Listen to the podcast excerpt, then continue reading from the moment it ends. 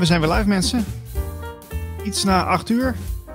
We gaan beginnen met de Radio Gletscher zomerlezingen. Inmiddels de nummer 6 alweer in deze reeks. En vandaag gaan we het hebben over uh, reuzengraven. En daar heb ik ook reuze zin in. Ik weet niet hoe bij jou zit, Marlijn, maar uh, ja, het is een beetje, een beetje cliché, maar ik heb hier wel heel veel zin in. Ja, ik ook. Ja, dat hoor je veel uh, de laatste tijd. Reuzen, dat die geleefd hebben. Dus. En op Sardinië vooral. Ja, en iemand die er heel veel van weet, dat is uh, Peter Den Haring. Peter, welkom in de show. Dankjewel. Het is een eer om bij jullie te mogen praten. En ook een beetje omdat ik dat onderwerp enorm avontuurlijk en spannend vind. En ik ben zo'n freak die ja, nieuwsgierig blijft. Ook al ben ik al bejaard en AOW-rijk. Ja, als maar niet saai is in het leven. Precies. Ja, als ik jou even moet introduceren kort. Je bent schrijver, je bent holistisch coach en je bent ook spreker. Is, is, dat, is dat voldoet een beetje aan jouw nee, criteria? Veel te weinig, veel te weinig. Veel te weinig nog. Ja, ja, ja. Kijk, ik maak al bijna 16 jaar Tijdgeest Magazine. Iedere 14 dagen een online tijdschrift. Een, een, tij, ja, een, uh, een beetje anarchistisch en een beetje spiritueel uh, verhaal um, van 2000 woorden, iedere 14 dagen. Over spirituele onderwerpen, over de dingen waar ik zelf mee werk. Ik werk met hypnotherapie, ik heb een opleiding aura lezen gedaan. ik doe ook nog familieopstellingen. En dan ben ik al 40 jaar astroloog, karmische analyses van je geboortehoroscoop. En ja, daar zie je gewoon eigenlijk een toenemende fascinatie voor het onzichtbare in. En ook voor uh, zingeving. Wat de fuck doen wij het voor? Waar leven we voor? Wat, wat is hier aan de hand? Kunnen we er iets van snappen? Is er überhaupt iets van te snappen? Ik heb een uh, reuzeaardig boek geschreven, net kort geleden. Het heet Dikke Hans leert vliegen. Met als subtitel Bestaat reïncarnatie echt? Met een dik vraagteken erachter. Want ik heb als hypnotherapeut allemaal mensen uh, onder hypnose gebracht. En ze laten reizen naar vorige levens. Uh, dat kan allemaal ook naar je kindertijd. Maar net zo makkelijk gaan mensen terug naar een andere tijd en plaats. Waar je door je, je, je in de verbazing schiet van. Hoe is het mogelijk dat sommige van die mensen bijvoorbeeld een andere taal spreken? Hmm. Of een boek kunnen lezen wat ergens op tafel ligt. En dat kunnen lezen. Hè? En dan meer bizar. Ik heb ooit een mevrouw geïnterviewd die um, uh, uh, net zo lang als ik was. Ik ben 1,90 meter. Die vrouw, mevrouw was het ook. En die zei dat ze zo ongelukkig was. Dat haar het nooit lukte om relaties aan te gaan. Dat ik haar beeld en beeld schoon vond. Alleen heel lang. Um, en uh, die wou weten wat ze in godsnaam hier kwam doen. En bij zo'n regressie ging zij terug naar een positie op een planeet. We hebben geen idee waar en wat. Ze zei, ik zit hier achter een soort afweergeschut. En ik heb de opdracht dat alles wat ik zie in mijn beurt, in mijn duty, in mijn, uh, in mijn uh, programma, alles wat ik in de lucht zie, schiet ik eruit. Hoef niet, ik hoef alleen maar het puntje te zien van licht en hop, paf, ik zit in een galactische oorlog. En ik zit hier voor een lange periode en uh, dan word ik afgelost en dan komt iemand anders op deze plek. En op deze planeet zitten om de zoveel mijlen, kilometers, Zitten ook andere kerels zoals ik. Of kerels, ze kon niet vaststellen of ze man of vrouw was. En die zitten ook, die verdedigen dit hele territorium. Tegen uh, invallers weer van een andere planeet. Nou, dat verhaal kan je natuurlijk niet checken. Behalve dat het helemaal spoorde met hoe die vrouw in haar leven hier op de aarde stond. Ze had geen idee waar ze was. En ze kon ook niet goed voor zichzelf een zin vinden in hier zijn. En dan was er geen verbinding. En toen ik daarover doorvroeg, toen zei ik, heb je verbinding met die andere mensen op die planeet? Zei ze, ja, eigenlijk. Ik zeg, hoe doe je dat dan? Hij zegt, dat weet ik gewoon. Dus er was daar telepathische overdracht tussen die mensen van dat bepaalde uh, planetaire ras met anderen. En het deze gewoon, uh, hallo Piet, uh, is vandaag nog, nog een beetje sensatie meegemaakt? Nee, jij wel. Nou, dus hmm ik vond dat toen al, en dit is al lang geleden, hè, die, die praat ja. nu over een regressie van misschien, misschien wel twintig jaar geleden, die mij aan het denken zette. Van er is veel meer wat we niet weten. Ja. En, dus je, je bent heel veelzijdig, je, je, je hebt ook een, een, een, een succesvolle nieuwsbrief, uh, je schrijft boeken. En Ja. ja. ja, je geeft er allerlei trainingen en workshops. Dus eh, dat is natuurlijk wel heel interessant. Dat, dat opent jouw ogen natuurlijk ook. En misschien ook vanavond weer heel veel, heel veel andere mensen die naar deze show kijken. Ehm, ja, Ik had even een vraag aan Peter. Oh, ja, de vraag. Als het mag. Als het mag. tuurlijk, zeker. Eh, ik, ik, ik ben heel benieuwd hoe jij kijkt naar verbeelding. Omdat eh, je, je gaat terug naar zo'n vorig leven, Ja. waar dat dan ook was. En dat Ja. doe je eigenlijk met je verbeelding. Ja. Dus wanneer, wanneer is het echt gebeurd en wanneer verzin je het? Of verzin je het eigenlijk nooit? Alleen, we hebben geen fucking idee. Eh, Je kan alleen maar waarnemen dat er een fenomeen is dat mensen in trance een ander deel van hun eh, bedrading, van hun frequentiegevoeligheid of van hun hersencapaciteit gebruiken om ergens anders te kijken. Dan zou je kunnen zeggen, je kan ook zeggen dat is tijdreizen. Ja, nog sterker.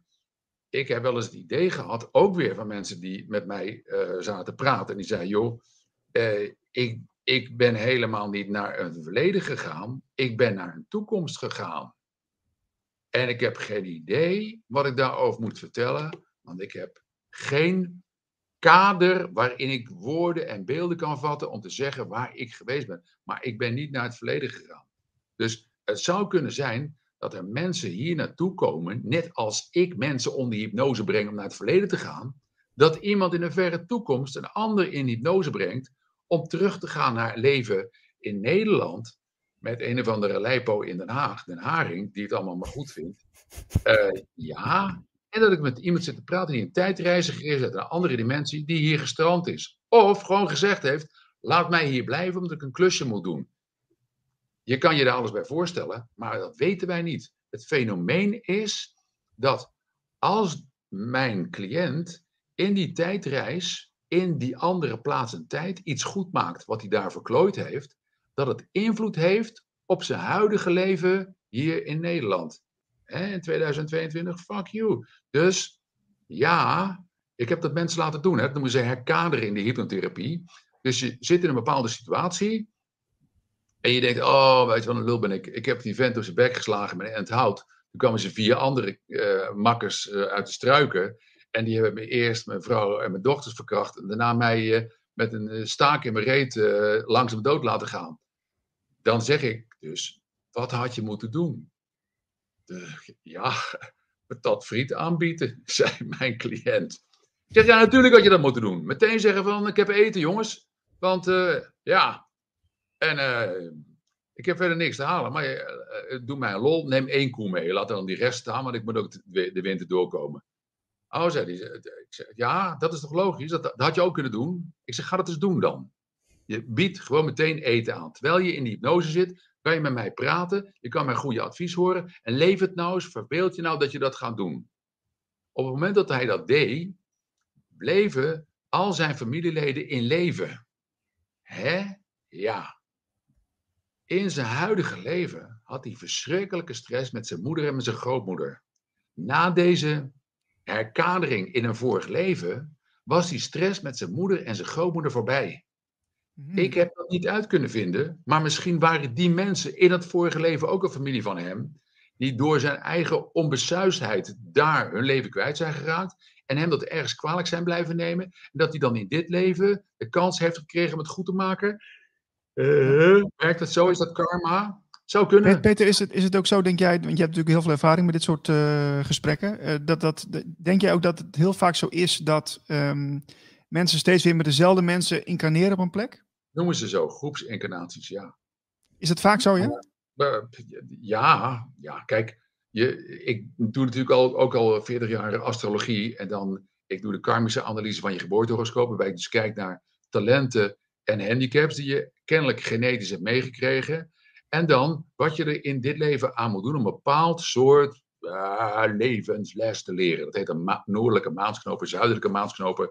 Daar zie je dat aan, ook aan retrograde planeten. De mensen moeten hier kennelijk een of andere klus klaren die in een polariteit ligt. Je komt uit Ram en je moet naar Weegschaal. Je komt uit Kreeft en je moet naar Steenbok. Oké, daar horen er allerlei symbolische dingen bij.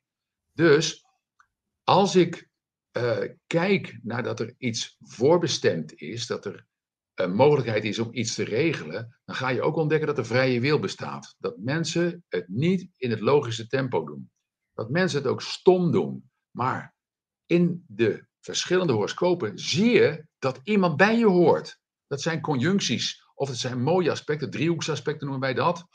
Dan zie je, dit is een makker. En als dan zijn zon in jouw eh, zevende huis staat, dan is het een één op één uh, klankbord. Als het in je elfde huis staat, dan zijn het vaak ehm, vrienden uit de andere tijd. Als uh, het in je derde huis staat, is het misschien een broer of een zus in, in een ander leven geweest. En die mensen herkennen dit soort stereotypen. Als ik zeg, nou, uh, Sanne zou heel goed je zusje kunnen zijn uit het vorige leven. En de betrokkenen zeggen, ja, zo gedragen ze zich ook alsof we broer en zus zijn. Maar ik wil er wel meer. Dan zeg ik, nou, dat ziet er niet zo goed uit, eerlijk gezegd. Het, uh, ik denk dat je veroordeeld bent tot een beetje platonisch samen zijn. Ja, ja, dat zegt zij ook altijd. Ja, nou dan weet je, dat komt uit het vorige leven. Een groepsincarnatie kun je zeggen, die niet helemaal succesvol is. Maar voor hetzelfde geld horen mensen heel lang bij elkaar. Kan je dat ook in een um, ja, relatiehoroscopen zien? Verdien ik ook soms een goede boterham aan. En mensen denken, nou wil ik het God voor de God voor een keertje. Jij weten ook wat wij hebben samen, of niet.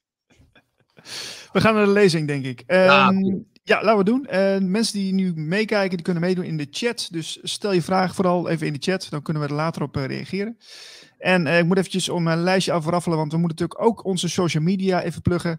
We zitten op Twitter, Facebook, Instagram en YouTube. En um, we hebben ook een hele interessante nieuwsbrief die we elke week eruit sturen. En dat kun je doen op onze website, helemaal onderaan. Dan heb je een, een, een veldje en dan kun je het invullen. Dan heb je elke week de update van Radio Gletscher. En dan uh, ben je elke week bijgepraat. Dus um, dat tot zover de plug. Ik denk dat we gewoon gaan beginnen met, met de lezing. Ben je er klaar voor, Peter? Tuurlijk. Saai is het nooit. Let's go. ik amuseer mezelf ook altijd. Heel goed. Om het gewoon niet allemaal thuis te blijven doen, want daar word je ook maar zagrijnig van, heb ik een uitnodiging aangenomen van Sam Pizzalis. Dat is een gids in het Italiaanse eiland Sardinië, die daar allerlei mensen naartoe haalt om een bepaalde vaardigheid daar te demonstreren in je eigen therapeutische clubje. Dus ik heb voor de mensen uit mijn netwerk die ooit met mij uh, sessies gedaan hebben, maar ook hun netwerk weer een uitnodiging verspreid. Heb je zin om tien dagen mee te gaan naar Sardinië? En dan gaan we daar familieopstellingen doen en transwerk. En ik kijk ook nog even naar je geboortehoroscoop. Nou, dat is uh, al die jaren, we doen het nu voor het derde, heb ik nu net gedaan voor de derde keer, is er een volle bak geweest. Dan zitten we met negen mensen daar. En we reizen uh, in een deel van dat eiland waar je ogen uitkijkt naar allemaal prehistorische monumenten. Je ziet ze toevallig op dat gele kaartje staan, allemaal kleine uh, witte puntjes. En dat zijn wat wij noemen neurages. Uh, een bouwwerk waarvan je je echt af moet vragen: hoe hebben ze dat in godsnaam daar neergezet? En het zijn er niet weinig. Die puntjes daar, die geven aan dat er pakweg een paar honderd staan, maar er staan er duizenden. het, mijn gids zegt dat hij er zelf iets van zeven, bijna 8000 gevonden heeft, waarvan er sommige helemaal overwoekerd zijn. Die kan je alleen maar vinden als je weet waar je op moet letten. en hij heeft er een neus voor. Uh, dus daar zijn we gaan kijken. Nurakers. Um, en zijn dat bijzondere heilige plekken? Jawel, jawel. Uh, je krijgt nu toevallig eerst een fotootje van een, een reuzengraf. Twee afbeeldingen. Hier zie je een hunebedvormige constructie waar twee van onze deelnemers in liggen. Nou, er is nog ruimte over. Dan heb je idee hoe groot de vent geweest is die daarin gelegen heeft. Je ziet wel daglicht, maar dit is ooit helemaal afgeschermd met dekplaten. En waarschijnlijk heeft daar ook aarde overheen gelegen en begroeiing, zodat dat, die plek niet meteen geplunderd zou worden.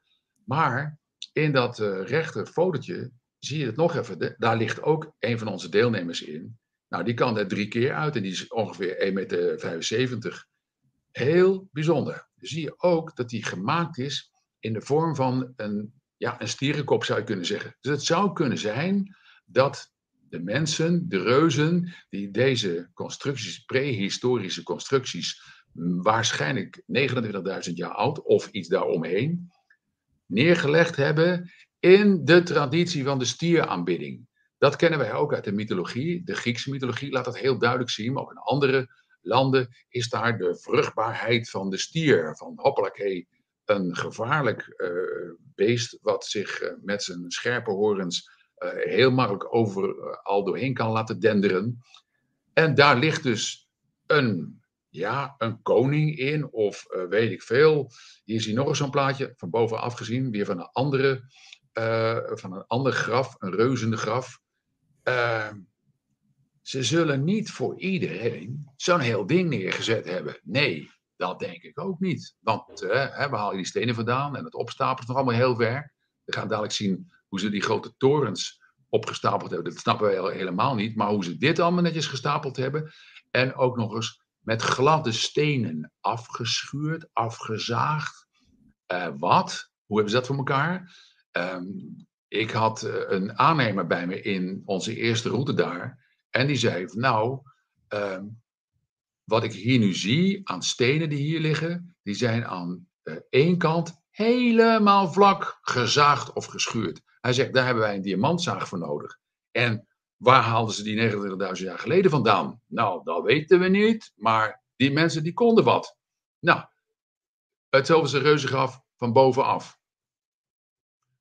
Die reuzengraven, die zijn maar één onderdeel van het hele fenomeen op Sardinië ik heb ze ook gezien voor, laten we zeggen, de gewone jongens daar zo. Wat je nu net gezien hebt, zijn plaatjes, een soort hunebedachtig graf, waar één koning in gelegen heeft waarschijnlijk, met een heel ritueel en misschien spullen erbij.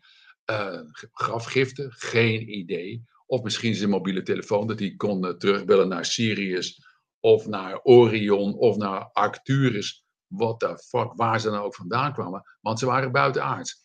En dat ga ik je nou ook nog eventjes duidelijk maken. Maar nog even over die reuzengraven. Ik ben ook op een bepaalde plek geweest in het midden van Sardinië, waar allemaal reuzen begraven lagen. En dat kon ik zien aan de ovale stenenrij en aan de steentjes daar in het midden. Als je weet waar je op moet letten, herken je ineens weer een graf. Daar waren graven bij van gasten van 4 meter, maar ook kleinere graven van 2 meter, 2,5 meter, Misschien van reuze kinderen, misschien van reuze vrouwen, dat weten we niet. In de Bijbel staat in ieder geval, toen de reuzen, de Nephilim, nog op aarde waren, namen zij de dochters van de mensen tot vrouw. En niet om voor zich te laten koken, maar om lekker voor te planten. Uh, sommige meisjes hebben geen moeite met hele grote plassers, uh, andere meisjes wel. En die hebben ze waarschijnlijk dan gewoon opgegeten. Uh, want er is ook een gerucht dat die reuzen heel makkelijk uh, tot cannibalisme overgingen. Kom ik dadelijk op terug. Dus reuzengraven één plek op Sardinië eh, liggen er wel honderden bij elkaar op een heilige plek. Ja, dus ze hadden een ritueel. Eens zoveel tijd kwamen ze allemaal daar naartoe. En hoe kwamen ze daar naartoe? Nou, ik weet het zeker. Niet met fiets en niet met paard, dat hadden ze allemaal niet.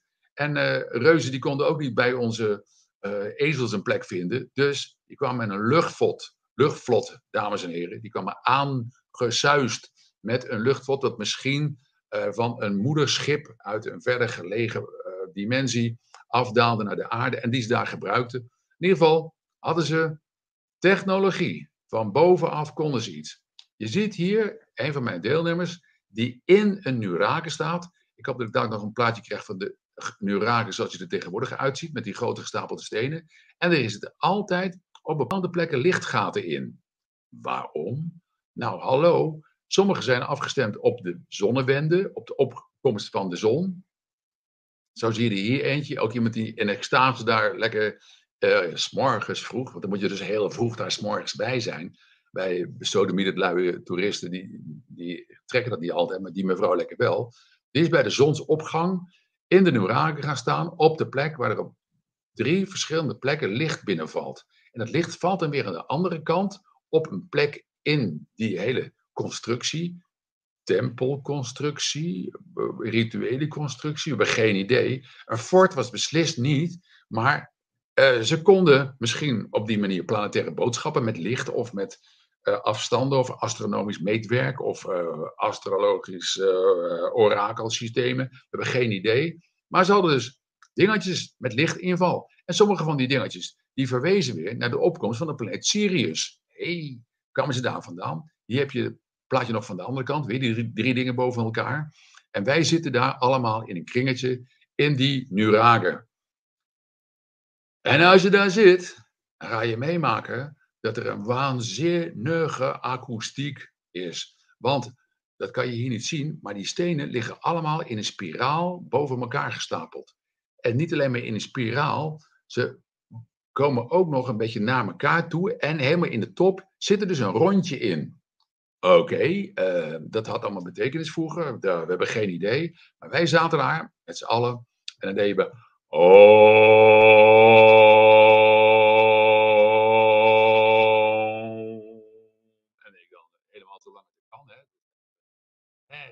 voel je eigen mannelijkheid door je lichaam heen En al die mensen op hun eigen golflengte. Oh, oh, nou, een trilling, een frequentie van ik weet wat. En het zou kunnen zijn dat door die frequentie op die bepaalde heilige plek, deze mensen die daar zaten, iets bewerkstelligden in hun eigen bewustzijn. Of misschien bewerkten ze ook andere frequenties. Ik weet niet waar het over gaat. Het plaatje wat je hiervoor ziet, dat, daar zie je een lichteffect. Waarbij je uh, zou kunnen zeggen, uh, is dat typisch voor Sardinië? Ja, zegt mijn gids. Maar ook wel voor bepaalde plekken. Hè? Dus zo'n plek zou een vibratie kunnen uitstralen die in het firmament te zien valt op bepaalde hoogtijdagen. Nou, als je daar eenmaal staat, vind je helemaal niks meer gek. Dat kan ik je wel vertellen. Op het volgende plaatje zie je weer uh, de doorsnede van het systeem. En nou zie je dat dat beslist een beetje ingewikkeld is om te maken. Er zitten allemaal kamertjes in. Dat zijn die rondjes die je aan de zijkant ziet. Waar ze dat voor gebruikten, wij hebben geen idee. Er was een suggestie van iemand die zei van misschien hebben ze hier een groot kristal liggen. Um, ik heb zelf uh, in mijn huis uh, drie hele grote Oeral kristallen liggen. Maar die wegen wel 40 kilo dat versjouw je niet zomaar.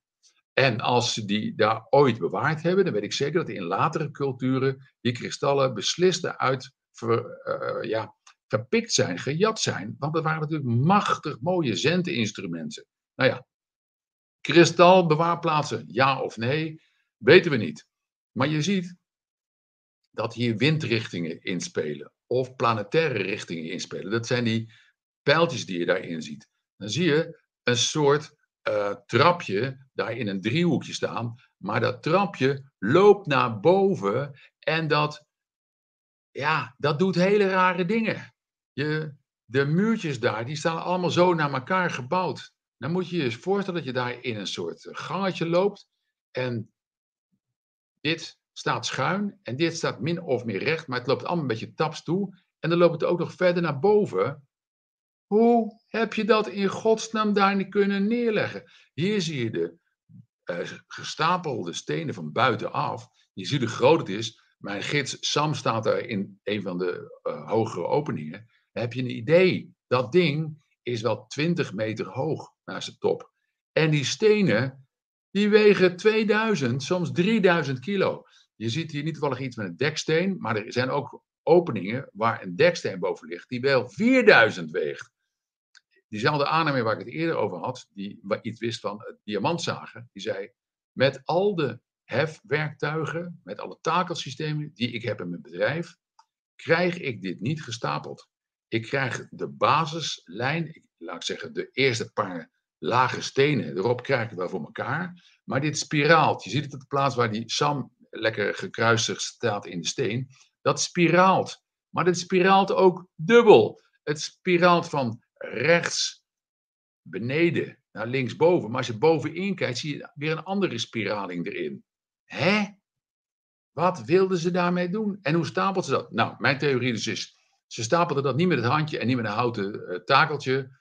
Uh, en niet met de 40.000 man die eraan stonden te trekken om die boel naar boven te krijgen. Ze gebruikten een luchtvlot met een takel die het van bovenaf naar beneden precies op de plek kon zetten. Waar zij konden zien, mathematisch verantwoord. Zo blijft het lekker liggen. En zo kunnen we gang na gang naar boven spiralend neerzetten. Nou, als je op de site kijkt van mijn gids, dat heet keepalivetours.nl, achter elkaar geschreven, keepalivetours.nl, kijkt, Dan kom je op zijn site waarbij die waanzinnige plaatjes en foto's van Sardinië laat zien. Ook van deze fenomenen die ik jullie nu laat zien. De binnenkant, de buitenkant, opschriften. Er is veel gedocumenteerd, maar die sardijnen zijn te besodemieterd om behoorlijk onderzoek te doen. Terwijl je zou zeggen, logisch, halen wij toch zo'n reuzengraf een keertje leeg. Dan gaan wij toch kijken wat eronder ligt. En als er nou onder een heel groot skelet ligt, dan hebben we voor Europa toch een waanzinnige vondst. Nou, dat doen ze niet in Sardinië. Daar hebben ze geen trek in. Terwijl dat het eerste bij mij naar boven komt als een, een tour operator. Als ik zo'n heilige plek zou kunnen uh, etiketteren met reuzengraf, met skelet, compleet, kom het zien, kom het filmen. Dan staan ze uit uh, heel de wereld in de rijen dik. Want dan willen ze wel eens een keertje echt bekijken of het zo is. Waarom?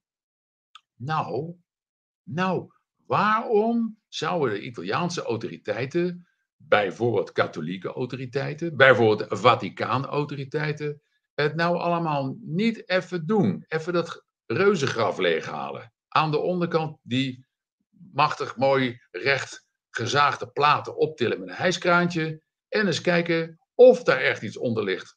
Want dat heeft nog nooit iemand van tevoren gedaan. Want die platen krijg je met geen 40 man uit dat hunebed omhoog. Zo zwaar weegt dat. Ja, dat hebben die reuzen niet voor niks gedaan. Die bouwen dat voor de eeuwigheid uh, lekker uh, beveiligen. Nou, ik kan het je vertellen.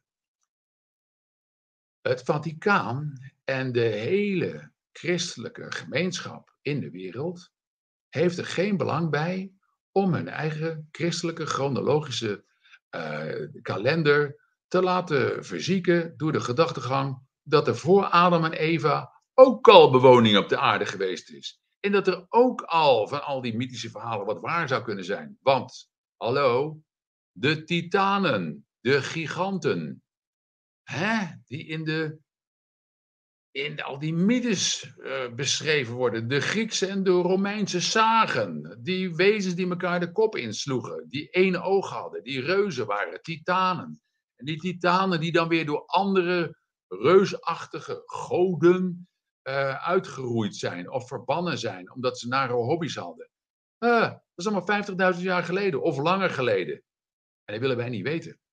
Want er zijn dus andere beschavingen hier op aarde geweest. Ja, en die reuzen is daar maar één van. Ja. Um, ik heb um, aangegeven dat die reuzen op een bepaalde manier eh, technisch vaardig zijn om zo'n monument te kunnen bouwen. Ja, hallo, dat weten we nou ook wel. Um, ik laat je nog iets anders zien. Dit zijn wat ze noemen in Sardinië veeënhuizen. Dat zijn kleine grotjes met een vierkante opening of een rechthoekige opening. En daar hebben ze in basalt, in keihard graniet, allemaal hokjes achter elkaar uitgebeiteld. En het zijn gladde wandjes. Pardon? Pardon? Gladde wandjes. En die hebben diep in de rotspartij uitgehakt. In iets wat spijkerhard is. Moet je graniet eh, proberen te bewerken met een bijdeltje en een hamer. Kan gewoon niet. Daar heb je geavanceerde apparatuur voor nodig. Deze hokjes zijn volgens eh, ingewijden gebruikt om de botten van overledenen bij elkaar te bewaren. Kennelijk hebben ze de gedachtegang dat als het vlees eraf is, dat er bij de botten nog een bepaalde kwaliteit uh, hoort.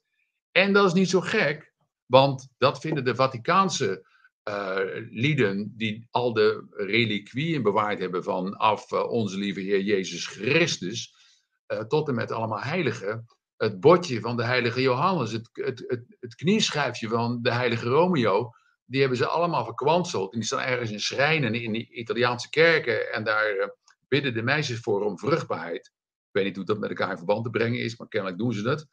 Um, de botten werden van die reuzen op stapeltjes gegooid, weet ik veel, of met een uh, strikje versierd. Dit zijn de botten van, uh, hè, noem het maar, van Odin, van Wodan. Wat voor namen hadden ze ook, dat weten wij allemaal niet. Uh, Zeus, Apollo. En die lagen erin. Die mensen hebben op die wandjes ook nog inscripties ge gezet. Dat zie je hier op die ene foto aan de linkerkant. Is er een soort hamer en sikkel uitgehakt. Er is in de vloer een soort bassin uitgehakt waarvan je ook denkt, even uithakken, helemaal niks uithakken, daar heb je geavanceerde op, uh, spullen voor nodig, waarin een soort ehm, ja, misschien ritueel een, een, diertje geslacht is waar ze het bloed konden opvangen. Wij weten het niet. Misschien hadden ze ook hobby's met kleine kinderen, want dat is heel populair vanaf de schepping al. Dat je daar nou ja, je leven door kan verlengen of iets dergelijks. Nou, weten ons veel, willen we ook niet allemaal weten. Ehm, die plekken, als je daarin zit, geven ook weer allemaal een enorme frequentie af. Dus je kan daar, als je dus um, een beetje volume wil inzetten, dan galmt dat als bezetene in die ruimtes. Is het daarvoor gebruikt? Ik weet het niet. Hier zie je andere ingangen in een andere rots. Hoger. Ik vermoed dat in die oudheid die openingen niet zo zichtbaar waren. Maar dat er op deze rots, naderhand, nadat ze dat graf gemaakt hadden voor de beenderen, dat ze dicht gedaan hebben met een deur. En dat die deuren dus gejat zijn naderhand. Uh, ja, mooi bewerkt. God, hoe, hoe, zal het geweest zijn? Hebben we geen idee van. En dat ze er naderhand de aarde overheen gedonderd hebben.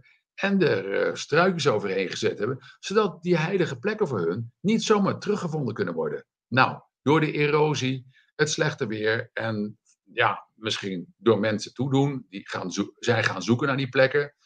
Ja, misschien lagen er ook eh, spullen in die ze konden gebruiken. Is dat allemaal natuurlijk uh, blootgelegd. En dan moet je ook zeggen, alleen deze plekken zijn blootgelegd. Want daar zijn wij in geweest, omdat we ze konden vinden. Maar misschien liggen daar in Sardinië nog 1500 van dezezelfde plekken. Maar gewoon onder vet struikgewas. Want in het hele Sardinië, wat zo groot is als Nederland, waar er 17 miljoen mensen wonen, wonen er in Sardinië maar 1,7 miljoen Sardijnen. Dus dat hele eiland is hartstikke dun bevolkt. Hele plekken staat gewoon vol met olijfbomen. Staat vol met natuurlijk bos. Daar is geen mens ooit verder in geweest dan een paar schaapherders. Nou, die hebben misschien daar dingen gevonden en daar hun mond over gehouden. En soms, ja, het in de publiciteit gebracht, omdat het ergens om een lekker verhaal is op een verjaardag. Um, het is ook leuk om op een verjaardag iets te vertellen over je vorige levens. En dat je dan nog heel ver terug in de tijd kan, dat je reus geweest bent, hoe, hoe dat je zo'n uh, zo'n gespierde roodnek uh, bent geweest. Want die reuzen die schijnen rood haar gehad te hebben. En ook bovendien zes vingers en zes tenen. En meer dan gemiddelde lengte. En nou bizarre, dat fenomeen komt genetisch nog steeds terug in bepaalde culturen. Daar zien we nog steeds mensen die geboren worden met nog een vingertje naast het pinkje. Ja. En nog een teentje naast de vijf die ze er al van hun geboorte, van de, hele, de rest van de familie hadden. Zes tenen, zes vingertjes. En dan een beetje meer dan gemiddelde lengte. Ja. En rood haar. Nou, komt rechtstreeks uit een reuze genetische lijn. Een van die afstammelingen van heel lang geleden. Dat is niet alleen op Sardinië zo. Uh, maar dit verhaal vind je ook in Mesopotamië, in het Midden-Oosten. Het Gilgamesh-epos ver, verhaalt van een, uh, een godenzoon. Een, uh, een Kanye, Gilgamesh, die koning is en ook die enorme lengte heeft. En die zegt dat hij op zoek gaat naar de plek waar zijn vaderen een ruimtebasis hebben. En dan gaat hij ook naartoe met een, met een beetje lijfwachten. Hij mag in die, dat ruimtestation een rondleiding krijgen, maar ze sturen hem weer terug naar zijn koninkrijk. Hij heeft het allemaal lekker opgeschreven, in kleitabletjes neergezet. En zo is het voor het nageslacht bewaard gebleven. Nou, hier zie je nog zo'n fenomeen. In dat landschap op Sardinië heeft Sam ons naar extreme plekken gebracht. Dit is de kop van een slang, de mond van een slang, de bek van een slang. Dat eh, als je aan de rechterkant bovenin kijkt, zie je een soort uh, ovaaltje. Dat is het oog van de slang. Als je hem van de andere kant af zou fotograferen, dan zou je zien dat er een holte is. Maar in het midden van de holte zit een gat, een rond gat. Dat is de pupil van die slang. Ja, jongens, je gelooft het niet. En dit is de bek van de slang die omhoog gaat. Je zou daar de giftanden in kunnen bedenken. Is dat een natuurlijke vorm? Nou, dat denken wij niet. We hebben op diezelfde plek waar die slang ligt ook een verschrikkelijk enge apenkop gezien. We zijn daar beneden gaan staan met uh, ons negenen en we staan een beetje staan bibberen. Er hing wat. Er was niet een prettige energie. Wij dachten dat daar inmiddels, maar misschien een hele andere cultuur, want die reuzen die zaten er 29.000 jaar geleden. Uh, dat daarna die heilige plekken van de reuzen gebruikt zijn door andere volkeren om daar offers te brengen aan God weet wie, aan goden van de reuzen of aan de reuzen. En eh, dat daar nogal wat bloed gevloeid is. In ieder geval konden wij voelen dat dat niet een prettige plek was. Op diezelfde locatie, aan de achterkant van deze slang, ligt er ook nog iets in het landschap wat een enorme draak is. Je ziet zijn poten, de klauwen erin, je ziet zijn kop naar beneden en je ziet een geschubde rug er in de rotsen verdwijnen. En dan praten we over een fenomeen van een metertje of 25, een draak van 25 meter, die ze uitgehakt hebben. Of, ja, weet ik niet, weet ik niet. Onder die uh, slangenmond, die slangenbek, zie je een fotootje met in het paars hoe die Nuraga's er ooit uitgezien hebben. En dit is een fotootje van de centrale die naast de andere plek staat, die in het midden van die andere plek staat. En dan zie je iets wat mij opgevallen is toen ik daar was. Dit zijn landingsbanen. De foto geeft het niet helemaal goed aan. We hebben betere foto's, maar die kon ik vandaag niet vinden. Dan zit er in het landschap wat bergachtig is. En dan moet je gewoon heuvels en bergen voorstellen. Dat gaat uh, zo, zo, hop, hop, hop. Hè. Bobbeltjes, uitstekeltjes, uh, puntje hier, puntje daar. Maar hier niet. Hier zie je eigenlijk een 15 graden aanvliegroute, een landingsbaan. Die zie je aan de linkerkant van die foto en die zie je ook aan de rechterkant van die foto. Als je meer zou zien, zou je zien hoe die 15 graden daar precies in staat. Maar het bizarre nu is, als je in het midden van die, die grote vallei gaat staan, op de plaats waar deze roze nuraga ooit gestaan heeft, want nu heb je nog alleen de ruïne te zien, dan zie je dat er in alle windrichtingen alle heuvels afgetopt zijn op een lange baan van 15 graden. Ja, dus er konden op hoogtijdagen, dus vanaf heel Sardinië, luchtvlotten aanvliegen de hele tijd zonder elkaar te hinderen, want dan namen ze de oostbaan of de westbaan. Er zat iemand op de top van die Nuragen, die een beetje met uh, rode vlaggen stond te zijn. Hup, telepathisch. Uh, ja, ah, Giorgio, Pieter, een beetje naar links. Ja, goed, Dale. Nou, wij weten niet hoe ze dat deden. Maar misschien was de top van die Nuragen een soort, ja, Schiphol-radar. Waardoor ze dus iedereen daar konden laten landen. En dan gingen ze naar het midden van die vallei. En daar was dan een feestje in die Nuragen. Oh ja, Peter. De fantasie is wel groot bij u, meneer Den Haring. Ja, dat is helemaal waar. De verbeeldingskracht is het mooiste wat we hebben eigenlijk. Hier zie je ons uh, weer teruglopen nadat we in die Nuragen geweest zijn, die je aan de uh, linkerkant van het beeld ziet. Je ziet, dat is nog niet eens de top. Er is nog een heel stuk bovenop geweest wat ze er afgedonderd hebben en waar ze de stenen voor gebruikt hebben. Waarschijnlijk voor het bouwen van huizen, van forten. Maar dit is geen kasteel. Hier kan iedere krijgsheer meteen van zien, moeiteloos verover ik dit. Er zitten gewoon te grote openingen in. Die rotsen die zijn zo beklimbaar. Um, er zitten plaatsen in waar je gewoon doorheen kan kruipen als je klein bent. Je stuurt er twee kinderen in met een uh, bombrief. En dan, uh, hop, je blaast ze op. Het is geen fort. Het is een heiligdom. Het is een monument. Het heeft iets anders. Je ziet ons daar lopen op die bijzondere plek. Je ziet mij in mijn gele jasje. Um, en je ziet twee van onze deelnemers. Uh, die lopen erbij te grijnzen, want die hadden een waanzinnige ervaring. Want wij deden aan de bodem van die uh, Nuragen. En soms op het binnenterrein van de Nuragen deden we familieopstellingen. Familieopstellingen. Ja, bedoel je daarmee? Uh, want familie, ja, dode familie, ja, is ook zoiets. Een familieopstelling is een vorm van groepschanneling. Waarbij je dus met een aantal mensen een afspraak maakt dat wij de vraag van één van ons collectief gaan aanpakken. En we laten ons daarvoor een beetje in trance brengen. En wij kunnen in die trance een overleden familielid channelen. Het moet niet gekker worden, Peter. Ja, maar het, lekker, het is wel lekker zo. En als je verder gaat, ik kan niet alleen maar overleden familieleden channelen. Ik kan ook delen van iemands persoonlijkheid channelen. Dus ik kan iemands angstgevoel zijn. Ik kan iemands wellust zijn. Ik kan iemands agressie zijn. Ja, kan allemaal. De verbeeldingskracht staat voor helemaal niks. En ik denk dat dat eigenlijk het uh, allergrootste geschenk is wat wij gekregen hebben. Creatief, scheppend vermogen. Dat als je het bedenkt, dan kan het zo zijn. En dan hoort daarbij de gedachte dat de doden onder ons zijn. Even wennen, dat terwijl ik hier lekker zit te praten, mijn vader en moeder hier omheen staan en denken van, nou, die Peet heeft toch flink ver geschopt, op televisie geweest, op de radio en zelfs bij Radio Gletscher. Oei, hoe is het mogelijk? En die kijken met tevredenheid naar mij en denken dat hadden we nooit gedacht van die door. Nou, pap en mam, ik, heb een, uh, ik maak zelf een klein televisieprogramma voor uh, Café Weltsmerts. Dat heet Tussen Hemel en Aarde.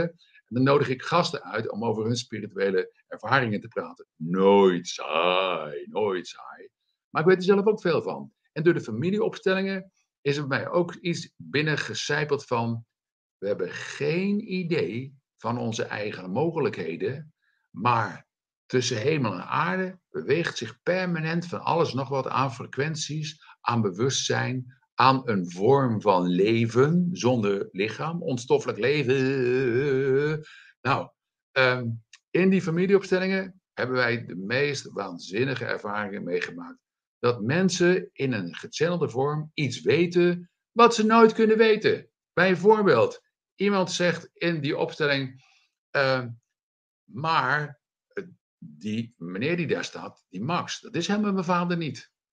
Ik ga naar degene die de moeder channelt en ik zeg, zou het kunnen zijn dat Janine niet het kind van Max is?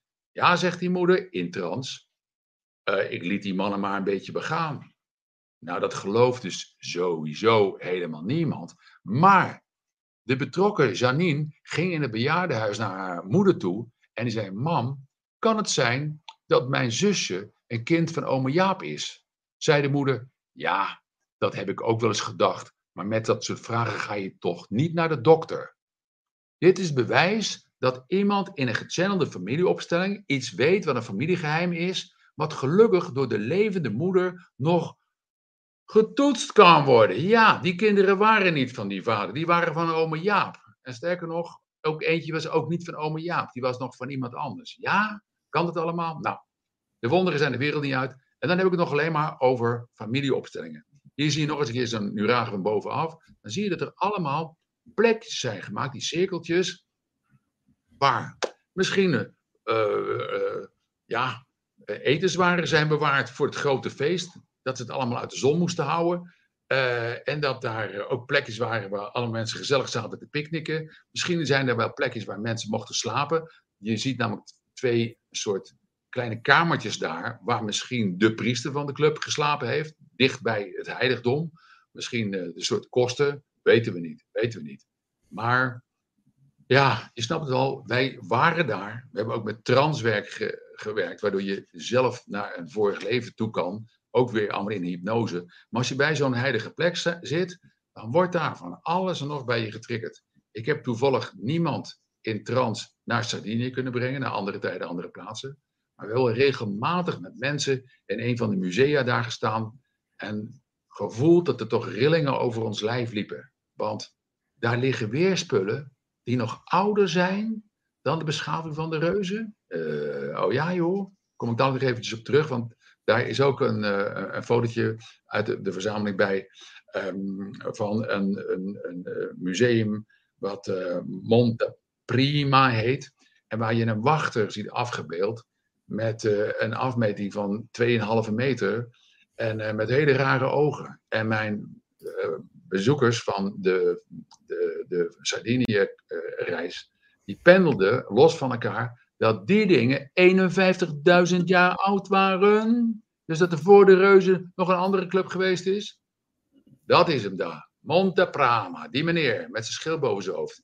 Die staat in een rijtje wachters wat ze gevonden hebben, ook onder het zand. Die waren omgelazerd of misschien um, ja, uh, kapotgeslagen door latere mensen die van deze categorie bewoners van Sardinië helemaal niks moesten weten. Maar deze vent draagt een schild boven zijn hoofd. Dan moet je nog eens kijken naar die oogjes. Dat zijn geen gewone ogen. Het lijkt of die gast een bril op heeft. En als je naderhand zijn tenen zou zien, uh, dat zijn weer helaas andere foto's die ik er niet bij heb, dan zie je heel gedetailleerde teentjes. Maar dat neusje, weet je, recht neusje. En heeft hij een maskertje op? Heeft hij een duikmaskertje op? Want andere uh, monumenten laten gewone ogen zien. Nou, dit zijn geen gewone ogen. Dit beeld is volgens mijn pendelaars 51.000 jaar geleden daar neergezet. Nou, wetenschap, kom erop. Laten we even teruggaan naar die eerdere foto's daar zo. Uh, wat je hier trouwens ziet, dat zijn ook weer inscripties in die veehuizen, in die grotten. En dan zie je iets heel aparts.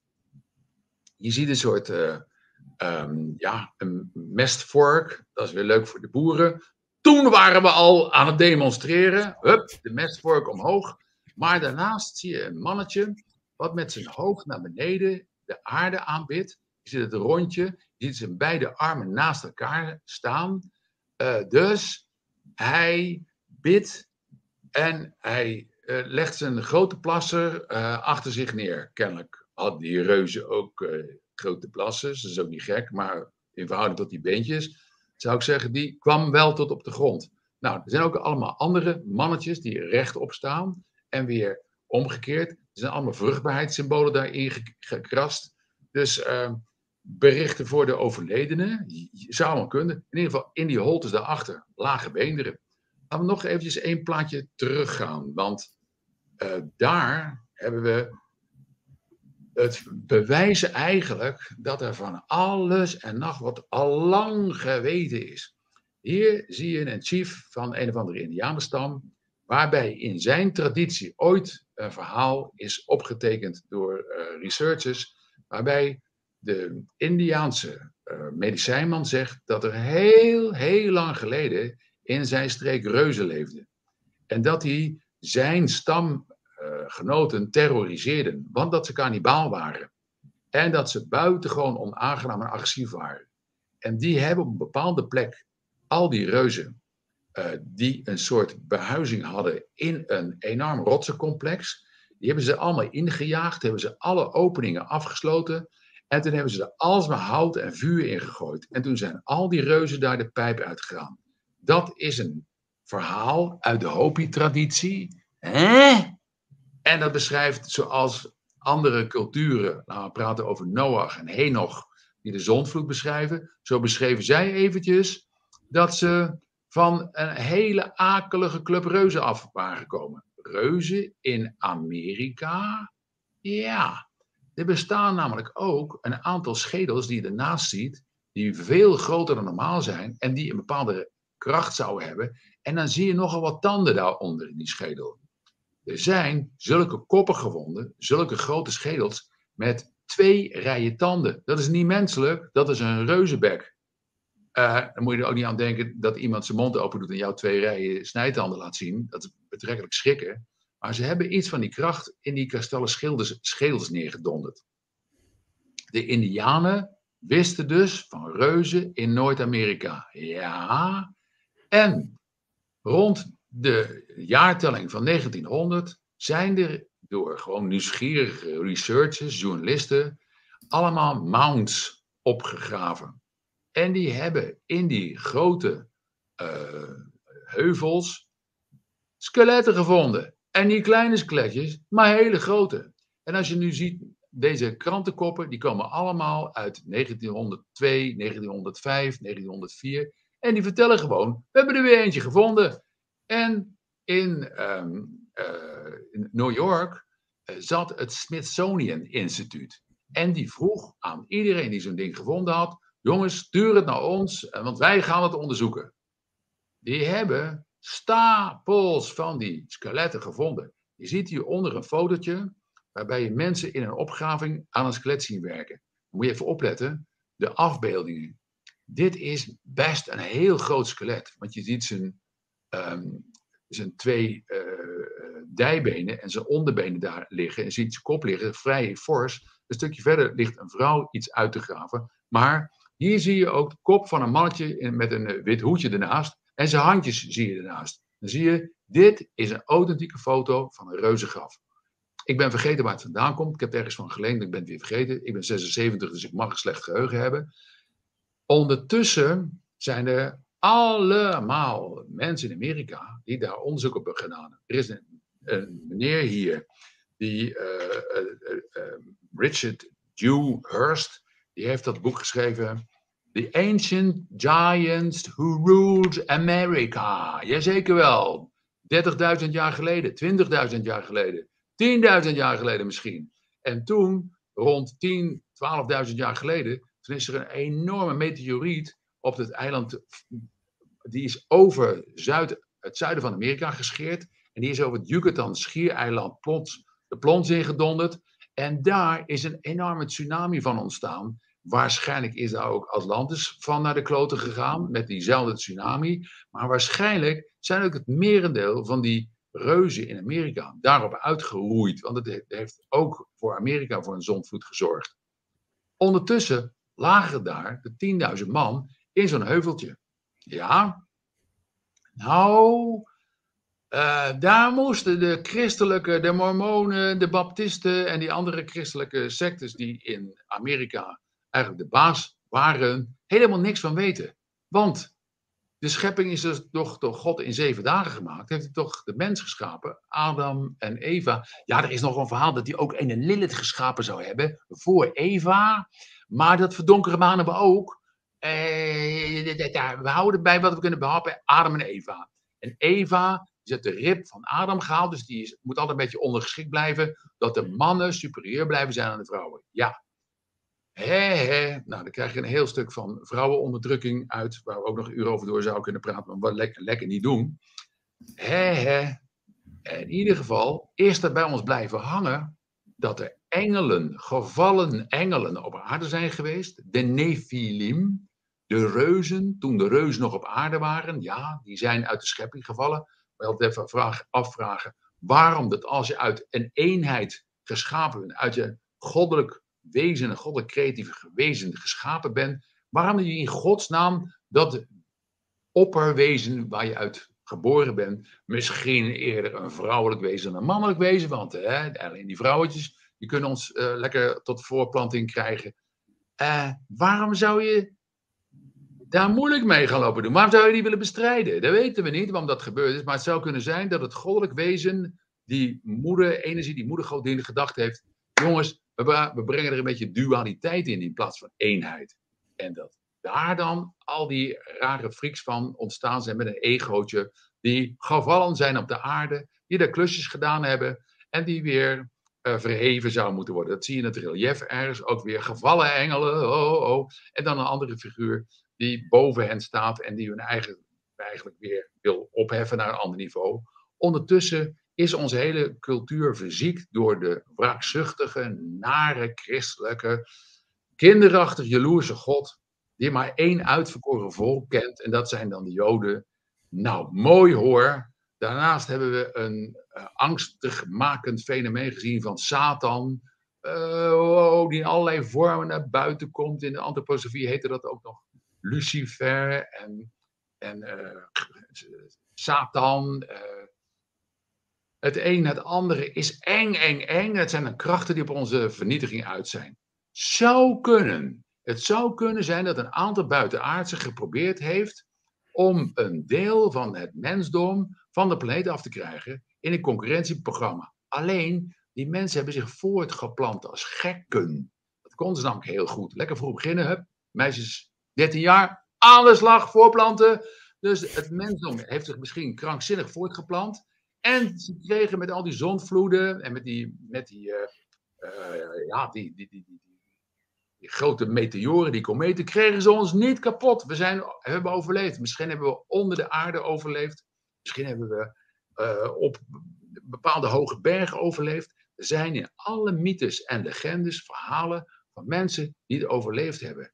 En er zijn ook verhalen van messiassen, van redders, van mensen, van wezens, van goden, engelen, die ons goed gezind waren en die ons geholpen hebben. En dan hebben we ook kennelijk engelen die ons niet goed gezind zijn. En dan kom ik bij het verhaal van de graancirkels. Want er komen allemaal graancirkels. Uh, vooral in Engeland. Ik ben er bij eentje geweest. Dat zie je in het plaatje daar. Je ziet een klein bordje daar beneden staan. Dat is van de Engelse boer. Daar, die had er een bakje bij gezet van ik vind het leuk dat jullie mijn uh, crop, mijn gewas, lopen te verklooien. En nog erger dat die aliens de ding erin gegooid hebben. Maar gooi een beetje geld hierin voor het, de kostprijs van dit gewas. En dan ben ik daarin gelopen en dan zie je, dat is heel hoog. En er zit een tekening in. En er zijn echt talloze mensen geweest die bovenaf foto's gemaakt hebben. Hier zit de scorpio, de schorpioen, in een gras, in een tarweveldje of in een veldje met whatever gedetailleerd als de pest. En er zitten boodschappen in, gecodeerde boodschappen. Nou, ik, er zijn uh, echt in allerlei boeken over de graancirkels zijn er conclusies aan verbonden, er zijn boodschappen in, er zijn tijdboodschappen in, er zijn planetaire boodschappen in. Je kunt in bepaalde graancirkels een constellatie zien die een datum aangeeft. Ja, een bepaalde planeetstand verwijst naar een datum in de toekomst en een bepaalde andere planeetstand in zo'n graancirkel verwijst naar een tijd in het verleden. Want toen stonden de planeten zo. Ja, en er zijn ook nog graancirkels waar al die planeten goed staan, behalve eentje. Hè? Zou er nog een twaalfde planeet zijn? Ja, ja. Ik riep het al, het boek De Twaalfde Planeet van Zecharia Sitchin. Dat hoort bij je opvoeding. Net als leren schaken, net als leren britsen en net als het likken van je vriendin. Als je al die dingen goed door laat dringen, waar gaat het om? Dan snap je ineens iets van de strijd die er op de aarde is tussen goed en kwaad. En dan snap je dat er misschien buitenaardse zijn die het niet zo goed met ons voor hebben. Integendeel, die ons kwaad willen doen. En dat er weer anderen zijn die ons willen helpen met boodschappen uit de graancirkelen. Oké, ga maar lekker door met de plaatjes, want uh, we zijn al aan het einde aan het komen. Ik ga in het najaar naar de Bosmische piramide, daar je, zie je een plaatje van. En dan zie je dat er overal in de wereld piramides staan. Net zo goed als die Nuragers zijn er ook overal van die herinneringen aan buitenaardse culturen die iets neergepletterd hebben waar wij echt ons geen voorstelling kunnen maken. En als je ziet over welke planeetjes het gaat, dan zie je de aarde daar in dat, dat vergelijkende plaatje van planeetomvang. De aarde, Earth, daar links beneden, is fucking klein. Uranus is al een flink ding. En Neptunus is een flink ding. Maar Saturnus is groot en Jupiter is pas heel groot. Als je hier nu ook nog plaatjes met vergelijking bijzet van andere planeten, Arcturus, die is nog tien keer zo groot als Jupiter. Daar zou toch ook heel makkelijk van alle leven vandaan kunnen komen. Nou, we willen het niet weten voorlopig. Ze sturen ons maar een faxbericht, want uh, met die graancirkels kunnen we er nog niet helemaal uit. Nou, gaan we door met de plaatjes. Want die Sitchin, die heeft uh, op kleintabletjes allemaal boodschappen gezien. En die man was een genie, die heeft het allemaal ontcijferd. Hij heeft dus verteld hoe de reuzen op aarde kwamen, hoe ze aanvlogen met planetaire constellaties. Van als je nou bij de planeet Zus bent, moet je een beetje naar links, moet je afvlakken naar rechts, kom je voorbij eh, Venus. Dan kom je voor, bij Mercurius een beetje naar, aan de linkerkant eroverheen en zakken. En dan vind je de piramides daar. En een stukje verder vind je Mesopotamië. En daar kun je olie halen. En bij die dingen in Egypte, daaronder kun je uh, olie uit de grond halen. Dus daar kwamen ze voor. Ja, lees de twaalfde planeet. Daar zie je een plaatje weer van een vent die ook bij afgraving bezig is, daar ligt ook een heel groot skelet in. Nou zie je, er staan van die nep uh, uh, op internet, waarbij er een kolossaal skelet wordt getoond, daar zo. En dan zie je, er zijn twee mannetjes ingemaakt die zogenaamd deze opgave doen, maar die zijn gefotoshopt. Dit graf is namelijk van een groot iemand, maar die mannetjes zijn kleiner gemaakt. Dat hebben de, uh, ja, de nepnieuwsverspreiders gemaakt, zodat iedereen zo denkt, ja, zie je wel, ken nooit, hè, bestaat niet. Dat is met opzet fake verhaal, zodat de katholieke kerk en de Vaticaanse club en andere christelijke clubs konden zeggen, ja, die mensen die in reuzen geloven, dat is allemaal ons, is allemaal, allemaal Photoshop. Ja, hier zie je het aan, de verhoudingen zijn niet goed, maar het zou kunnen. Zulke grote gasten zijn er volgens ons niet geweest. Maar vooruit, uh, ik ben een complotdenker, dat hoor je al. Laten we maar doorschieten met de plaatjes, want we gaan aan het einde. Voor die mensen die van het overgevoelige type zijn, ik benoem dat maar met HSP, hooggevoelige, die dus heel makkelijk uh, vorige levens kunnen voelen en die ook heel makkelijk dode familieleden kunnen channelen, hebben we wel een probleem. Sommige van die mensen die ervaren dat als een zegen, dus het praten met wijze gidsen, dat is dan een zegen. Maar de narigheid is dat je met plaaggeesten te maken kan hebben. En daarvoor moet je je eigen aura leren schoonmaken. Dat is een bepaalde techniek. Ik heb dat geleerd in de opleiding aura lezen. Um, ik heb met schade en schande gemerkt hoe ingewikkeld dat het is. Ik kan in ieder geval lezer en kijker, als je mij een mailtje stuurt, dan stuur ik je een mp3'tje van die aura schoonmaak voor gratis, voor noppo, voor not 000. En waarom doe ik dat? Omdat ik een beetje een ego-trippetje ben. Ik heb ook nog een transreizen uh, cd'tje in de aanbieding. Ook een mp3 bestandje voor niks. Mail mij maar, ik stuur je lekker gratis toe. En waarom doe ik dat ook? Omdat ik eigenlijk wil dat jullie allemaal mijn nieuwste boek gaan lezen. Dat heet Dikke Hans leert vliegen. En het gaat over, bestaat die reïncarnatie echt? Kunnen we dat uh, begrijpen allemaal? Ik heb zoveel mogelijk informatie daar in het ene boek gepletterd. Je hoort al aan mijn tempo van praten dat ik een heleboel kwijt kan in korte tijd. Laten we nog even kijken naar de, de laatste plaatjes. Want daar staat het in. Dat is de Transreizen CD in de aanbieding. Voor niets, gratis en van Oppo. De Everest van Peter Haring. En ik kom er nog uit bij uh, mijn, mijn, boekjes die ik allemaal geschreven heb. En uh, die je nog kan krijgen op internet bij boekwinkeltjes.nl. Dikke Hans Lid Vliegen kan je bij mij nog bestellen. Kost lekker twee tientjes. Dat boek De Belofte gaat over de ondergang van Atlantis. Um, Gerard zoekt het hoger op. Daarboven gaat over Roemeense buitenaardselen in een tunnel die daar gevonden is. Is ook op dit moment in het nieuws. En Eten de Dode Moeder gaat over hypnotherapie. Mensen die onder hypnose ervaring uit vorige levens ophoesten. Nou, dat is een deel van het oeuvre wat ik gemaakt heb. Dank jullie wel voor jullie aandacht. Ik heb het in een razend tempo voor elkaar gekregen. En als je zoekt, moet je zoeken op www.peterdenharing.nl. Hé, hé, ik heb hem in het zweet gepraat. Ik hoop dat jullie het leuk vonden. In ieder geval, uh, volgens mij was het niet saai. Dank jullie wel. Peter, dankjewel. Jeetje, wat een trip, man. Ding. En dan gebruik ik geen drugs, hè? Dat, komt allemaal uit mijzelf. Nee, precies. Nou, even goed je erbij zegt, inderdaad. Jongen, jongen. Uh, heel interessant. Ik heb een heleboel vragen uh, opgeschreven. Ik denk Marlijn ook. Uh, zijn er al wat vragen binnengekomen op de chat? Ik ga, ga even kijken.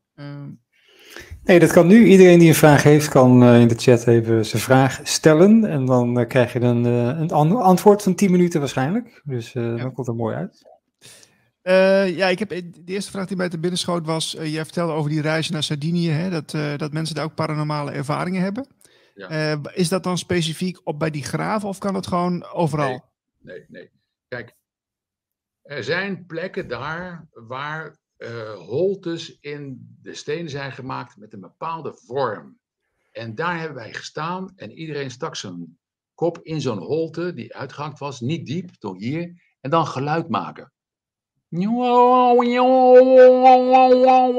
Nou, op de ene plek hoor ik, op de andere plek hoor ik Francine. Dus ik heb het idee dat die plekken heilige plekken, want die liggen ook op een leilijn, dat is een energielijn in het landschap, dat die plekken gebruikt werden om mensen zichzelf te laten helen van bepaalde wetsuren door geluidsfrequenties. Uh, maar als je daar staat en je doet dat, dan trilt er iets met je mee. En dan word je een beetje ontvankelijker. Um, ik weet niet of het zo is dat het paranormale waarnemen voor iedereen toegankelijk is. Ik denk dat niet. Ik denk dat er ook betonkoppen in de wereld zijn. Die zijn ook nodig om uh, ja, uh, de wapenwetloop in Oekraïne te ritselen. En die moeten natuurlijk een jacht hebben in de Middellandse Zee en een Ferrari. Die begrijp ik wel. Die hebben dat waarschijnlijk niet aangeboren meegekregen. Maar er is vast en zeker 20% van onze bevolking die dat aanvoelend vermogen, intuïtief, instinctieve vermogen wel aangeboren meegekregen heeft, maar bang is geweest om dat te ontwikkelen. Want als je een klein meisje bent en je zegt: Mama, er staat een mevrouw met een rare pyjama in de gang, met een raar brilletje. Nou, dan zegt mama, nou, je moet niet zo raar doen, dat is helemaal niks. En die denkt, oh god, dat is mijn moeder. Oh, oh, uh, die kleine is paranormaal begaafd en dat is van de Satan. Oh, oh, oh. En dus wordt dat kleine kindje direct afgeremd. En er zijn natuurlijk wel meer dingen. Dat kleine kinderen zeggen, bijvoorbeeld niet voor vorige levens. Mijn dochter was toen ze drie jaar was, helemaal kwaad, uh, achter in de auto. En schreeuwen, toen ik de moeder was en jij mijn kind, dan moest jij doen wat ik zei. Je gaat terug om mijn popje te halen. Ik zei, dat moet niet. Nou ja, kortom, hè, dit was niet de eerste ruzie tussen mijn moeder en mij. Hé, hé. Die kindjes, okay. die weten dat allemaal. En die voelen ja, dat. precies. Ja, kinderen zijn heel sensitief, hè? Als je in een bepaalde plek zit waar energiefenomenen zijn, zoals een leilijn, want er stond op diezelfde plek ook een kerkje gebouwd. Ja, natuurlijk. Die flikkers uit de Rooms-Katholieke Club, die hadden in de gaten dat het een heilige plek was. Dus die zetten er gewoon een eigen kerk op. En de, die hele basaltconstructie konden ze niet kwijtraken. Dus die gaten zitten daar aan de voorkant van het kerkje. Ja, uh, ja. Het wordt daardoor misschien extra geprikkeld. Ik zou zeggen, ga niet met mij mee naar Sardinië of naar uh, de Bosnische piramide om je paranormale vaardigheden lekker op te pimpen. maar als je ze hebt, dan kun je ze daar, denk ik, buitengewoon boeiend benutten. Alright. Is dat een vraag? Ja, dat is zeker een antwoord. Ik ben ook wel getriggerd, Peter, door jou, want je, je zei net een beetje gekscherend van ja, ik ben een complotdenker. Uh, ik kijk ook wel eens naar bepaalde websites met, met informatie, met theorieën. En denk van, nou, dat zou best eens kunnen. Uh, ken je het fenomeen dat er dus um, die grote gebergtes die er zijn, gro grote uh, rotsen, die heel erg lijken op gezichten en op, op, op lichaamsdelen. ik, ik heb er iets te veel gezien om te denken van, nou ja, dat is net toeval. hoe, wat, wat denk jij daarvan? Nou, Niels, wie het weet mag het zeggen. Er zijn gedachtegangen dat er vroeger uh, bomen zo groot als huis op de wereld gestaan hebben. Toen er nog een ander even CO2 uh, eh, en, en zuurstof, uh, toen er nog reuzenbomen groeiden en reuzenachtige dieren rondliepen. Ja, wie, wie het weet mag het zeggen. De aarde is al heel oud en die is beslist niet alleen maar in onze tijd bezaaid. En beslist niet 6000 jaar voor Christus, echt niet. En wij zijn, zijn misschien niet de eerste schepping. Er zijn verhalen over Lemurië en Mu. Ik heb zelf extreem veel ervaringen met betrekking tot Atlantis. Ik heb dat boek geschreven, De Belofte. Uh, ja, uh, ik moest nog vaak huilen toen ik het naderhand overlas. Dacht ik, oh, oh. Er komen weer allemaal dingen en emoties bij mij naar boven. Dit boek heb ik al elf jaar niet in mijn handen gehad. Is van 1994. En uh, ineens wordt er nog van alles nog wat wakker. Ik zit gewoon in het midden te bladeren. Oh, oh, oh, oh. Dat, het stroomt in mij. Dus nu praten we over 11.000, 12.000 jaar geleden. En is er in Atlantis, wat mij betreft, menselijke beschaving met andere vaardigheden dan nu. Ik weet dat ik in een bepaalde vorm kon vliegen. Maar met een ding wat ik bij me had, een gordel wat ik bij me had, ja, weet ik. Uh, dus ik ben in die tijd van een bepaalde adel die dat kon. En ik denk dat er ook gewoon veel dienaren waren om al die heren te dienen. Ja, die kookte niet allemaal zelf. Um, dus er zijn verschillende soorten mensen daar geweest. Hoogontwikkelde mensen en laagontwikkelde mensen. Ja, ja Atlantis, ja. dat is ook een beschaving die ook wel een beetje uh, qua ja, uh, de ont dat ontwikkelingsproces wat ze doormaken, hè, ook met, met dat, uh, de, de AI en met, met alles creëren, dat, daar is het ook een beetje misgegaan volgens mij. Bespelen, ja. Ja, ja. De... Is daar, heb je daar dus ook een herinnering aan dat, je dat, dat jou dat pijn doet of zo? Of, of? Nou, ik heb een hele rare herinnering dat uh, in mijn verhaal komt bemoeienis van sterrenheren voor, dus buitenaardse. En die hebben een reden om een bepaald uh, soort straf uit te delen aan de bewoners van Atlantis. En die gooien een atoombom op de plek die nu Marokko heet. En wat toevallig het Atlasgebergte heet. En die plek daar heet Atlas. En er staat een enorme glazige krater daar in het landschap. Ik wist dat niet. Dat heb ik pas veel later gezien in een filmpje dat dat bestond. Maar toen ik dat boek schreef in 19, uh, gooi neer, 1980 tot 1983 heb ik dat boek geschreven. Als allemaal losse stukken. En nadat moest ik die stukken aan elkaar plakken. Dat ik dacht van, waar gaat dit over? En dan miste ik een stukje en dan schreef ik dat stukje ertussenin om die hoofdstukken aan elkaar te kunnen krijgen. In ieder geval, die sterrenheer, gooi je daar een soort atoombom op. En dan breekt een deel van het gebergte en daarachter ligt het Sahara-meer. En dat Sahara-meer loopt leeg. En dat loopt leeg in het Atlantische Oceaan. En dat veroorzaakt de val van uh, de, het eilandenrijk Atlantis. En daar hadden zij een bedoeling bij. Dus dit kwam gewoon in 1981 uit mijn duim. Ik zat in de commune van uh, Bhagwan Sri Rajneesh, Osho Rajneesh, in Pune in India. En ik schreef met een potloodje in een schriftje, gewoon iedere dag, iedere avond schreef ik, maar ik kon het niet tegenhouden. Het bleef allemaal maar komen. En naderhand heb ik het aan elkaar geplakt. En toen werd dat het boek De Belofte. Dat kwam tegelijkertijd uit met de Celestijnse Belofte. Dat oh was, ja, die ken ik ook. Ja, vreselijk, vreselijk. Mijn boek was 14 dagen eerder. En de Celestijnse Belofte kwam twee weken later. En de hele mediaclub pakte de Celestijnse Belofte mee. Want dat was bekend in Amerika en in Engeland. Oh. En mijn lullige, stomme titel, De Belofte, is weggeraakt. Ik heb één recensie gekregen in het Algemeen Dagblad. Maar was niet zo gek, want daar schreef ik in die tijd eh, wel eens wat voor. Ja, het, dat is het voorbeeld van een bijna mislukte schrijverscarrière. dat boek is nog te krijgen bij boekwinkeltjes.nl als antiquariatisch fenomeen.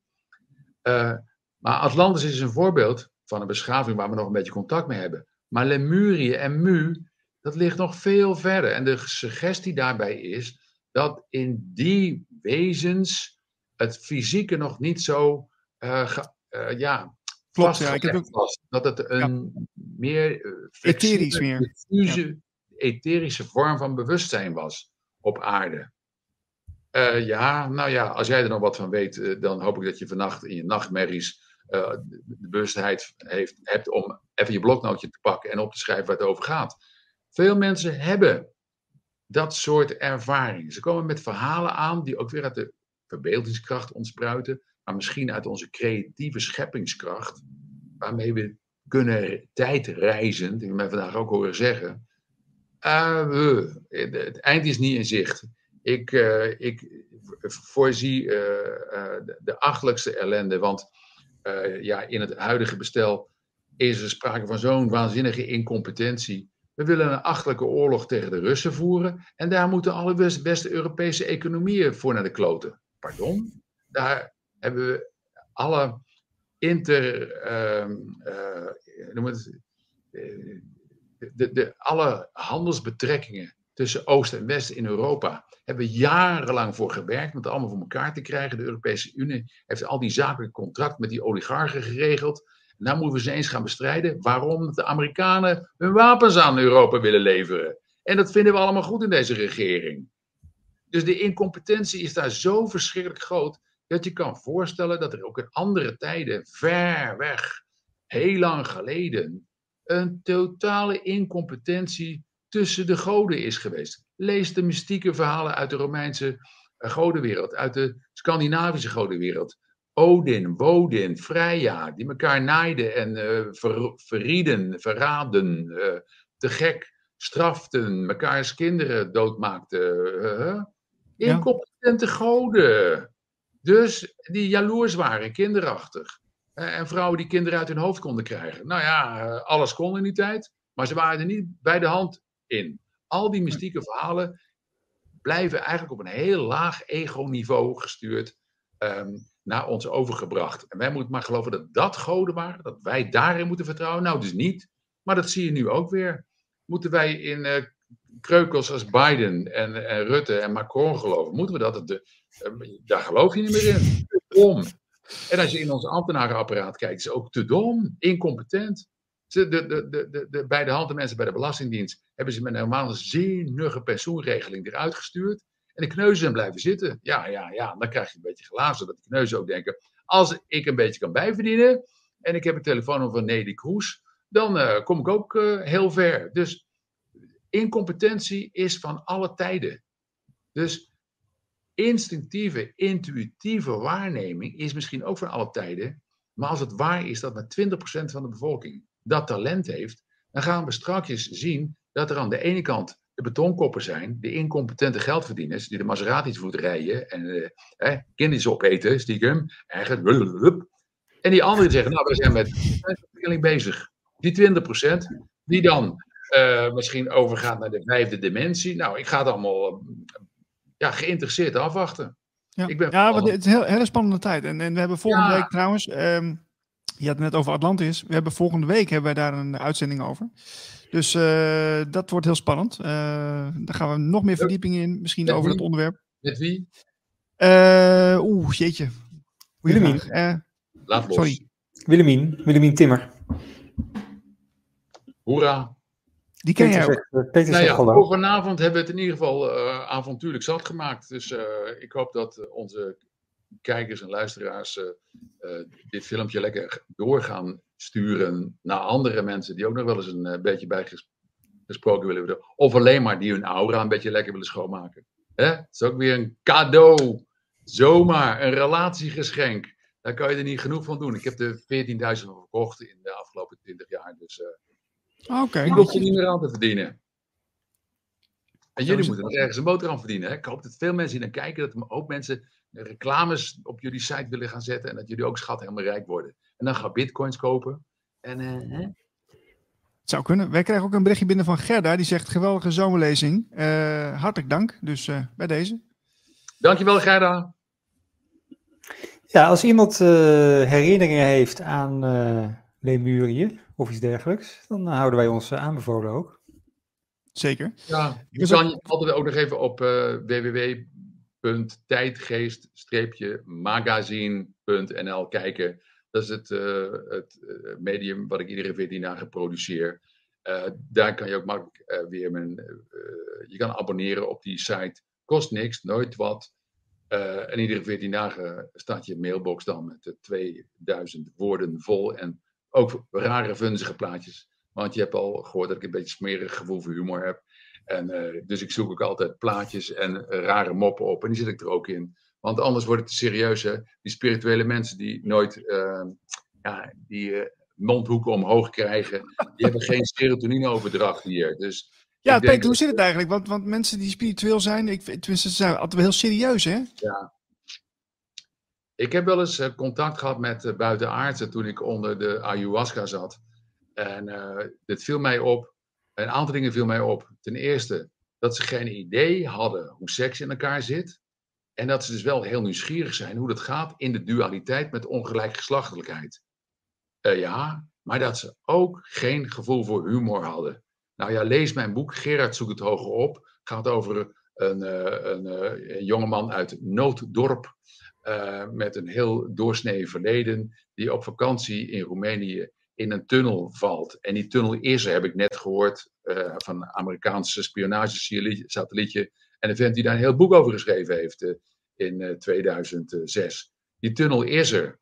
Klopt, en die verbindt ja. een stad met een onderaardse basis. En er is een onderaardse basis. En ik heb beschreven, al zonder het hele verhaal te kennen, wat mijn held in die ruimte doet.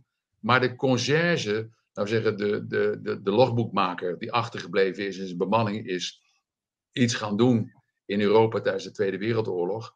Die zijn allemaal niet teruggekomen. Hij zit er nog. Hij heeft geen gevoel voor humor. En ik heb proberen uit te leggen hoe het gaat als iemand geen gevoel voor humor heeft. En het hele boek door, door zie je dat de schrijver wel gevoel voor humor heeft. Maar mijn, een van mijn uh, helden, uh, een dwergachtige buitenaardse conciërge, uh, die heeft dat niet. En het is heel raar om je te verdiepen in de geest van iemand die niet kan relativeren, die niet boven zichzelf uit kan stijgen, die geen leedvermaak heeft, die niet met zichzelf kan lachen, die het allemaal letterlijk neemt, ja, die bestaan. Uh, nou, waarschijnlijk zijn dat weer uh, afstammelingen van die Nephilim, die reuzen, die de vrouwen van de mensen tot, uh, die de dochters van de mensen tot vrouw namen en die zich voortgeplant hebben. En dan is die humorloze geest, die is met die zes vingers en die zes tenen en het rode haar weer teruggekomen in onze beschaving. Nou, en misschien hebben we daar, ja, Hugo de Jonge dan ook van uh, overgehouden met die schoenen. Ja, ik, ik, heb ook wel eens begrepen dat, uh, dat, dat, dat ook heel veel beschavingen wel gevoel, gevoel voor humor hebben, maar dat, dat ook de reptilians die schijnen dat ook niet te hebben, hè? Als ik krokodil was, had ik niks aan gevoel voor humor. Nee. Ik weet niet. Een aap misschien wel, maar... Ik heb er nog nooit in gesproken, dus ik kan het niet navertellen. Nee, dat houden we gewoon lekker overzichtelijk. Zijn we een beetje rondleren? Uh, nou, ik heb nog een paar vragen, maar ik weet niet of, je, of jij nog wat vragen hebt, uh, Marlijn. Uh, ik had nog wel eentje. Nou ja, ik dacht aan Scott Adams ook, de cartoonist. Die zegt, en dat heeft hij ook, ook gewoon gemerkt door de, door de cartoons die hij gemaakt heeft, ja. al, al 30 jaar lang, dat 20 tot 30 procent van de bevolking geen humor heeft. Die doen alsof die kijken als mensen lachen en ook, oh ja, ik lach wel mee en zo. Uh, Fake it till you make it, hè? Ja. Oké, okay, nou, oké, dat is interessant. Um, ja, dat is gewoon eventjes een opmerking, of had je nog een vraag? Of, of... Dat is even een opmerking. Oh, ik heb nog wel een vraag, hoor. Oké. Namelijk over dit, dit gebouw waarvan je zei, uh, het, is, het is een soort van spiraalvormig is het opgebouwd, ja. hè? Ja. Uh, kun je nog één keer uitleggen hoe dan? Want je zegt het, het van, vanaf, uh, vanuit de lucht is dat gedaan. Ik leg eruit dat al die stenen in een bepaalde kanteling op elkaar liggen. Dus als je de eerste laag gewoon aansluit, zo, uh, oké, dan gaan die volgende, die leggen er misschien zo bovenop en leggen we die weer zo bovenop. En dan krijg je een rechtstandige constructie naar boven. Zo metselen wij een huis op. Maar dit is niet opgemetseld. Er heeft wel specie tussen gezeten, die er in de loop van de jaren uitgedroogd is en weggewaaid is. Dat heb ik op een andere uh, nuragen kunnen zien. Maar die stenen, die kantelen een klein beetje. En dan moet je dus dit zien. Dus de eerste lagen liggen gewoon, maar daarna gaan ze naar boven. En dan liggen ze een beetje gekanteld op elkaar. Maar als je steeds kantelt, dan moet je bij de volgende laag weer iets kantelen. En dan moet je niet te ver kantelen met die 2000 kilo, want dan flikkert die erin. Tegelijkertijd, aan de andere kant, bouwen ze de andere kant van die tunnelgang op, ook met steeds iets kantelende steentjes. En niet alleen maar zo kantelen, maar ook nog zo omhoog kantelen en tegelijkertijd zo. Eh, ja, want die gang loopt spiralend naar boven en hè, er moeten dus twee kanten van de gang gelijkertijd gelegd worden. Want anders flikkert de ene steen naar binnen. Uh, nee, niets valt naar binnen. Het is zodanig uitgemeten dat ze pas bovenin in het dak van die gang op elkaar komen. En dat is zo wiskundig precisiewerk dat ik echt niet geloof dat daar gewoon een hijskraantje aan te pas gekomen is. Dat takel je van bovenaf. Je hebt de plattegrond voor je. En, uh, en de software zegt van uh, een beetje naar links, een beetje kantelen. Ja, 31 graden. Oké, hop, licht. Waf, de volgende. Het is software. Het is, het is een kunstmatige intelligentie of het is een andere soortige intelligentie waar wij nog nooit van gehoord hebben. Maar je, je kan het niet begrijpen. Want in dit complex wat je daar ziet, daar zijn drie van die gangen die naar boven lopen. En die, die kruisen elkaar ook nog op een bepaalde manier. Waarom? Kennelijk hebben we te maken met frequenties, met geluiden, met trillingen, met lichtval van andere uh, energiebronnen. Uh, het zal allemaal wel ritueel benut zijn, dat weten we allemaal niet meer. Maar uh, je ziet bij de rest van die andere toren die daar nog staat, hè, want die heeft ook nog een hele hoge toren opgezeten, dat kleine grijze cirkeltje daar aan de linkerkant in je beeld, dat is een hele hoge toren geweest. Maar dan zie je ook al die spiraling. Zie je hem nog? Hij loopt een beetje op, dus die is ook al spiralend gelegd. Ja, dat is één rechte toren die spiralend ligt. Maar het grote gebouw wat je ziet, daar liggen spiralen tegen elkaar in. Kan alleen maar van bovenaf erin gelegd zijn. Alleen van bovenaf kan je het hele plaatje zien. Nou ja, wie een betere uh, aan hypothese daarop heeft, die, die is hartstikke welkom. Ik kon het niet anders zien dan dat. Hm. Oké, okay. uh, want je vertelde ook over Sardinië, hè? Dat, dat, uh, dat het, er wonen maar 1,7 miljoen mensen of zo. Uh, ja. Dus het is eigenlijk heel dun bevolkt. Ja. maar zijn er nou ook verboden plekken? Want ik, ik kan me voorstellen dat als, als er zoveel ja, onontdekt land is, zeg maar, waar, waar je bij zou kunnen, dat dat ook verboden plekken zijn. Nou, uh, Sam heeft uh, dingen ontdekt op de terreinen van iemand. Dan is er een boer en het is zijn land. En die kan er een bordje bij zetten. Scheid voor jullie, tering toeristen, maar uh, niet op mijn land. Ja, ik heb een. een Sam is zo'n gozer. zijn ouders zijn Sardijnen die in Rotterdam, nou, Rotterdam geëmigreerd zijn. om hier een beetje beter bestaan op te bouwen. En hij is altijd weer teruggegaan, want zijn grootouders woonden daar nog op eh, Sardinië. En zijn familie ging altijd terug. Dus hij spreekt vloeiend Italiaans. Dus hij kan overal binnenkomen. En dat doet hij ook. Hij heeft allemaal mensen die hij kent van uitzonderlijke ambachten die hij ons heeft laten zien en mee laten maken.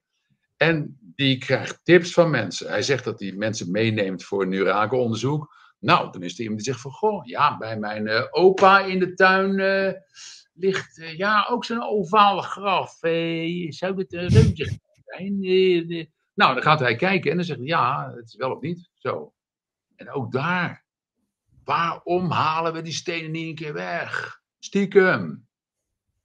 ja, ik krijg die grote stenen er niet uit. Ook niet met mijn clubje van negen mensen. Ik heb daar de spullen niet voor. Maar ik zou een financier willen hebben die zegt van, nou, laten we dat een keertje doen. We gaan er naartoe, een nachtje. Uh, dan hoeven we ook aan het museum geen geld te betalen. En dan uh, rukken we die spullen eraf. Uh, het hoort niet, mag niet, kan niet. Maar als we een skelet vinden, we filmen alles, dan zitten we goed. En het verboden stuk is dat de Vaticaan niet wil dat wij dat soort onderzoek aan het licht brengen. die wil er niks van weten. Want God weet, zijn er nog veel meer geheimen die daar aan vastgeplakt zitten. Die wij niet kennen, maar het Vaticaan weer wel. Ze hebben er geen belang bij, kennelijk. Anders had het Latijnse ministerie van Toerisme er al lang geld in geïnvesteerd. Want het ligt voor de hand. Is ook zo, is ook zo. Uh, wat, wat, wat me toch een beetje fascineert is ook, uh, die reuzen zijn ook ooit een keer uitgemoord. Hè? Dus die zijn dus een einde aangekomen aan, aan die beschaving. Ja, nee, je zou moeten zeggen, de laatste reuzen in Amerika, dus een heel gedegenereerd stuk van dat ras, wat kennelijk ook een zonvloed heeft overleefd, misschien in een grotje ergens of een, een bergje ergens. En wat overgegaan is tot cannibalisme om zichzelf uh, te laten overleven. Uh, dat, dat slag, dat is dus door een latere bevolkingsgroep, die van over de Beringstraat, die Indianen, die mensen uit het noorden van Rusland, die naar de andere kant getrokken zijn, ja, die kwamen later. En die vonden dus in dat land ook Native Americans. Maar ja, wel reuzen. En die hebben zij weer uitgemoord. Misschien is het allemaal karma, dat naderhand, uh, hè, ook weer iemand heeft gedacht, laten we dat eens in een grote plaatje uh, zetten. Jullie hebben de reuzen hier uitgemoord. Wij gaan uh, jullie datzelfde lot laten ondergaan. Ja, wie het weet mag het zeggen. Hmm, oké, okay, oké. Okay. Goed, um, even kijken. Hebben we verder nog dingetjes? Uh, Marlijn, zijn er nog vragen binnengekomen? Heb jij nog een vraag? Of gaan we afsluiten? Koffie drinken. Koffie drinken? Ja. Ik denk dat Peter wil afsluiten. Peter, maar, ja, Peter mag beter doen, zeker. Kijk, kijk, als je bij mij er een kwartje ingooit, dan raadt het dat de hele tijd door. Maar die lezers, die hebben, die hebben het al gehad, weet je wel. Het is al heel knap als je mij zo lang volhoudt. Ja, dat vind ik. Ja, toch. Alle mensen die tot nu toe gekeken hebben, uh, dank voor het kijken. Uh, volgende week zijn we er weer op dinsdagavond om 8 uur met een nieuwe lezing over Atlantis. En uh, meld je even aan op de nieuwsbrief en op onze social media. Dus tot volgende week. En Peter, dankjewel. We zien elkaar vast snel weer. Jippie, dankjewel jongens. Hoi.